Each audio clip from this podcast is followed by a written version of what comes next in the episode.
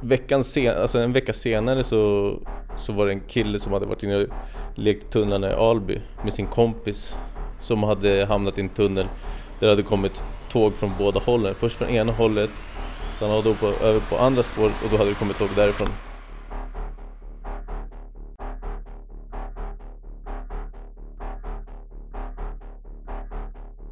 Du lyssnar på Svår att döda med mig Hugo Anderholm och Fabian Sigurd. Första avsnittet Tunneldöden.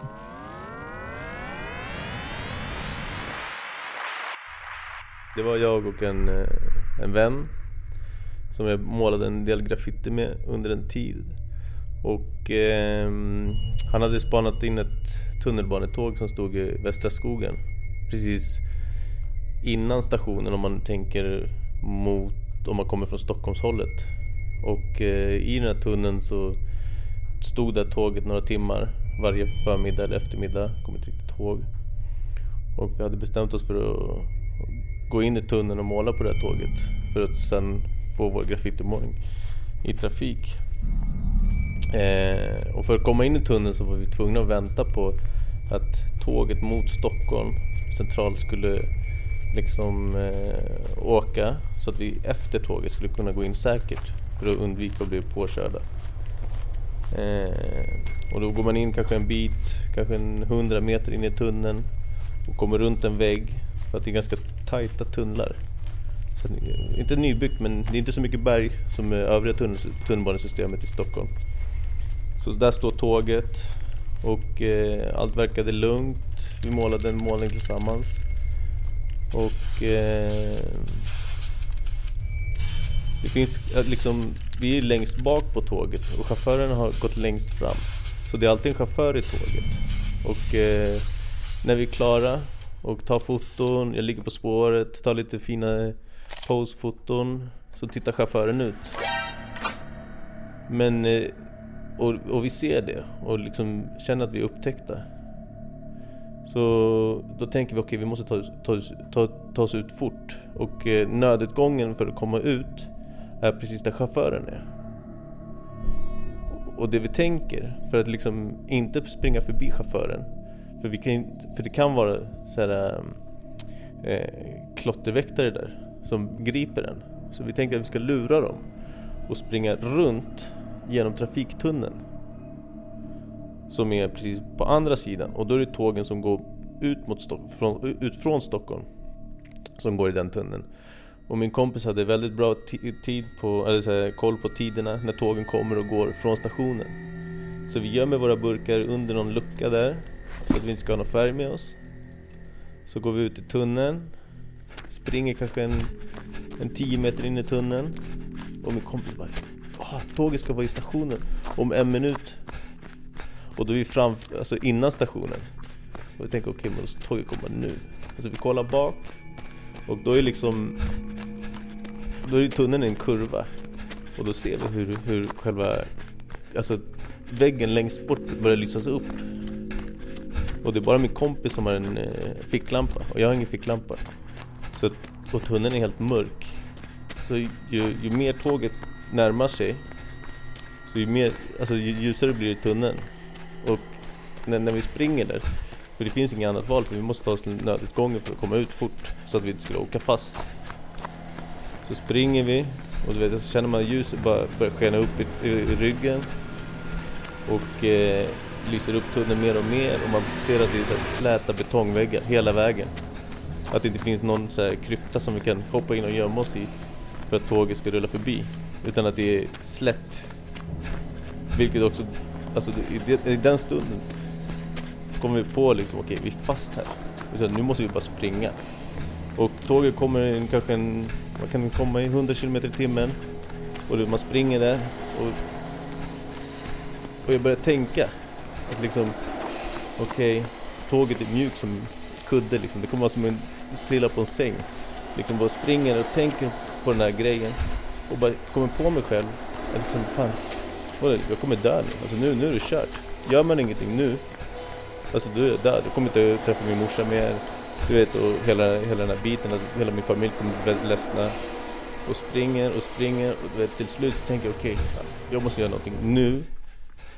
Annars är det för sent. Och det enda möjligheten som finns att göra är att hoppa och lägga sig mellan eh, betongväggen och den här tredje skenan som är den strömförande skenan som du vet oftast studsar elektricitet ifrån och eh, det, det, var liksom enda chansen och eh, då finns ju också chansen att man blir bränd, alltså blir, det blir kokt kött liksom så jag lägger mig där och min kompis är på andra sidan spåret och jag ser inte var han tar vägen och tåget kommer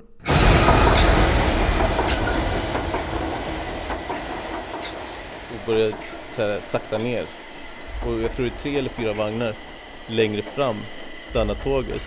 Jag ställer mig upp, förvånad att jag fortfarande lever och liksom springer runt. Ser chauffören som är likblek i ansiktet, vinkar till henne och bara för att visa att det är allting okej. Okay. Tittar runt på andra sidan tåget och då har min kompis precis hunnit runt väggen till nödutgången och bara står helt så här orolig och bara tittar efter mig och ser att jag, att jag kommer där. Han skiner upp och så springer vi ut från eh, den här nödutgången och kommer ut och vi är helt skitiga. Vi är så dammiga men så jävla lyckliga och bara känner adrenalinruschen att liksom okej, okay, det där var nära. Alltså, det var verkligen den gången som det kunde ha gått jävligt snett.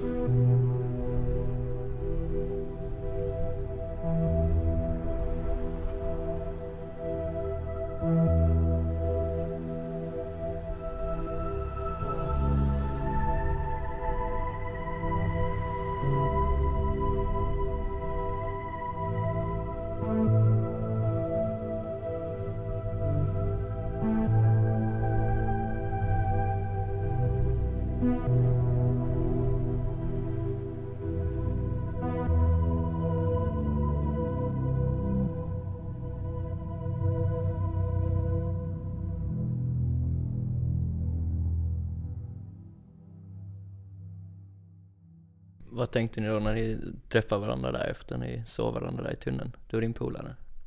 Ja, det blir väl med, med, glädje liksom. Jag tror inte man riktigt förstår i stunden att, att hur mycket allvar det var. Alltså jag tror inte man vill förstå, eller jag tror inte hjärnan kan förstå att du var så nära på att dö. Att det var verkligen hårsmån. Hade inte jag agerat i den sekunden eller förstått att nu måste jag göra någonting och inte lyssna på den här falska idén om att det är mjukt som en kudde så hade jag inte levt idag. Utan att det, det, det jag vet inte, jag tror det handlar mycket om en, en block liksom. Att man inte kan förstå för att det är för stort för hjärnan att förstå. Att det är för hemskt för hjärnan att förstå. Man gör nästan som en övervägning där. Du ja. gjorde ju en övervägning mellan två alternativ typ. Precis. Och eh, vad kan man säga? Nu så tänker jag några gånger innan jag går ner i en tunnel och ska måla. För att det spelar ingen roll hur säker man är på sin sak så man, man, man tar dumma, dumdristiga liksom beslut och gör man det i fel tillfälle så, så kan det smälla. Vad gick det för tankar i ens huvud när man sprang och man började se ljuset liksom? Det är, alltså när, när det kommer till situationer där, där det blir ett sånt allvar som man annars inte upplever utan livet är ju oftast skoj och stoj och, och, och det leker på.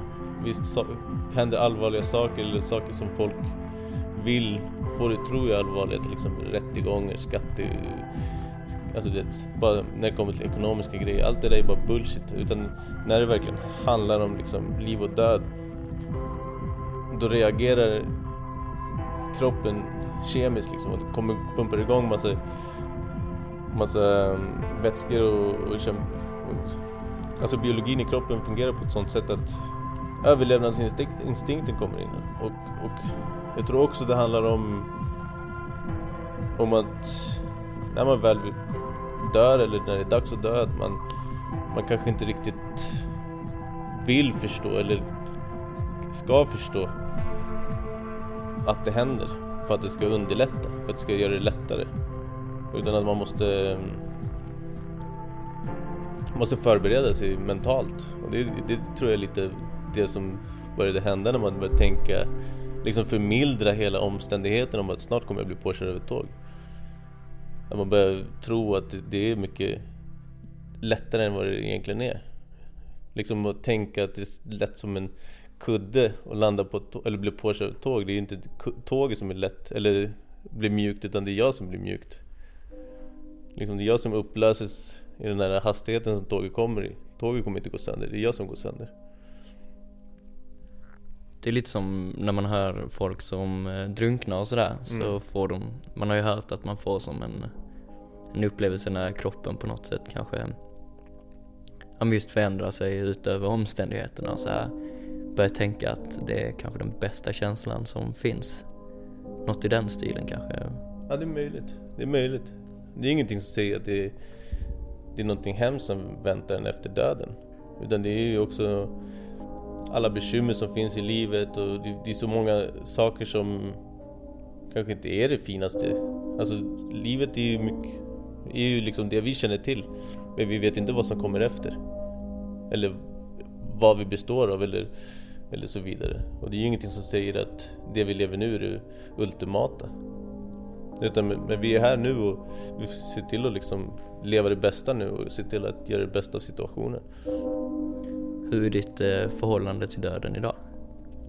När det är dags är det dags. Men eh, tills dess ska man se till att liksom försöka göra det så bra som möjligt för att alla ska trivas i livet. Alltså, det här är en av gångerna som man har känt att man har varit väldigt nära att dö. Och varje gång som man har upplevt den här nära döden upplevelsen är att så har jag liksom efteråt känt mig tacksam för att man får leva men också att det är på lånad tid man lever och att eh, att när man lever på lånad tid att det inte handlar om mig och mina egocentriska behov utan att det handlar om allas behov och att man måste bidra med något bra till samhället eller till livet och se till att allt liv är värt och kunna bidra positivt, inte negativt. Det, det, det är typ de tankarna som har kommit, kommit till mig liksom av de här situationerna. Liksom att man...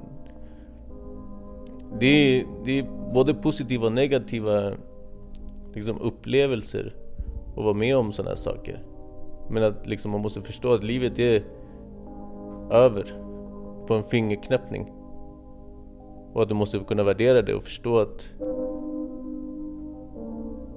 du är här nu och att du måste se till att liksom göra dig värd att vara här nu.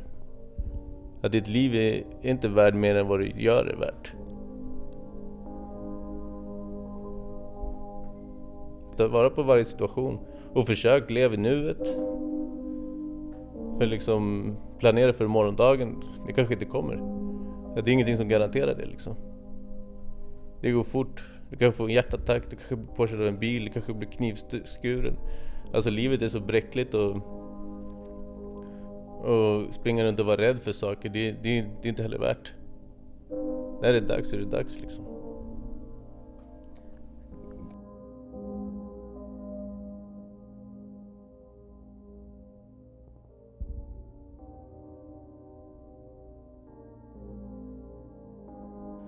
Du hörde precis Ligist bli intervjuad av Fabian Sigurd i Svåra att döda. Följ oss gärna på Facebook och på vår hemsida svåratdöda.se. Tack för att ni lyssnade.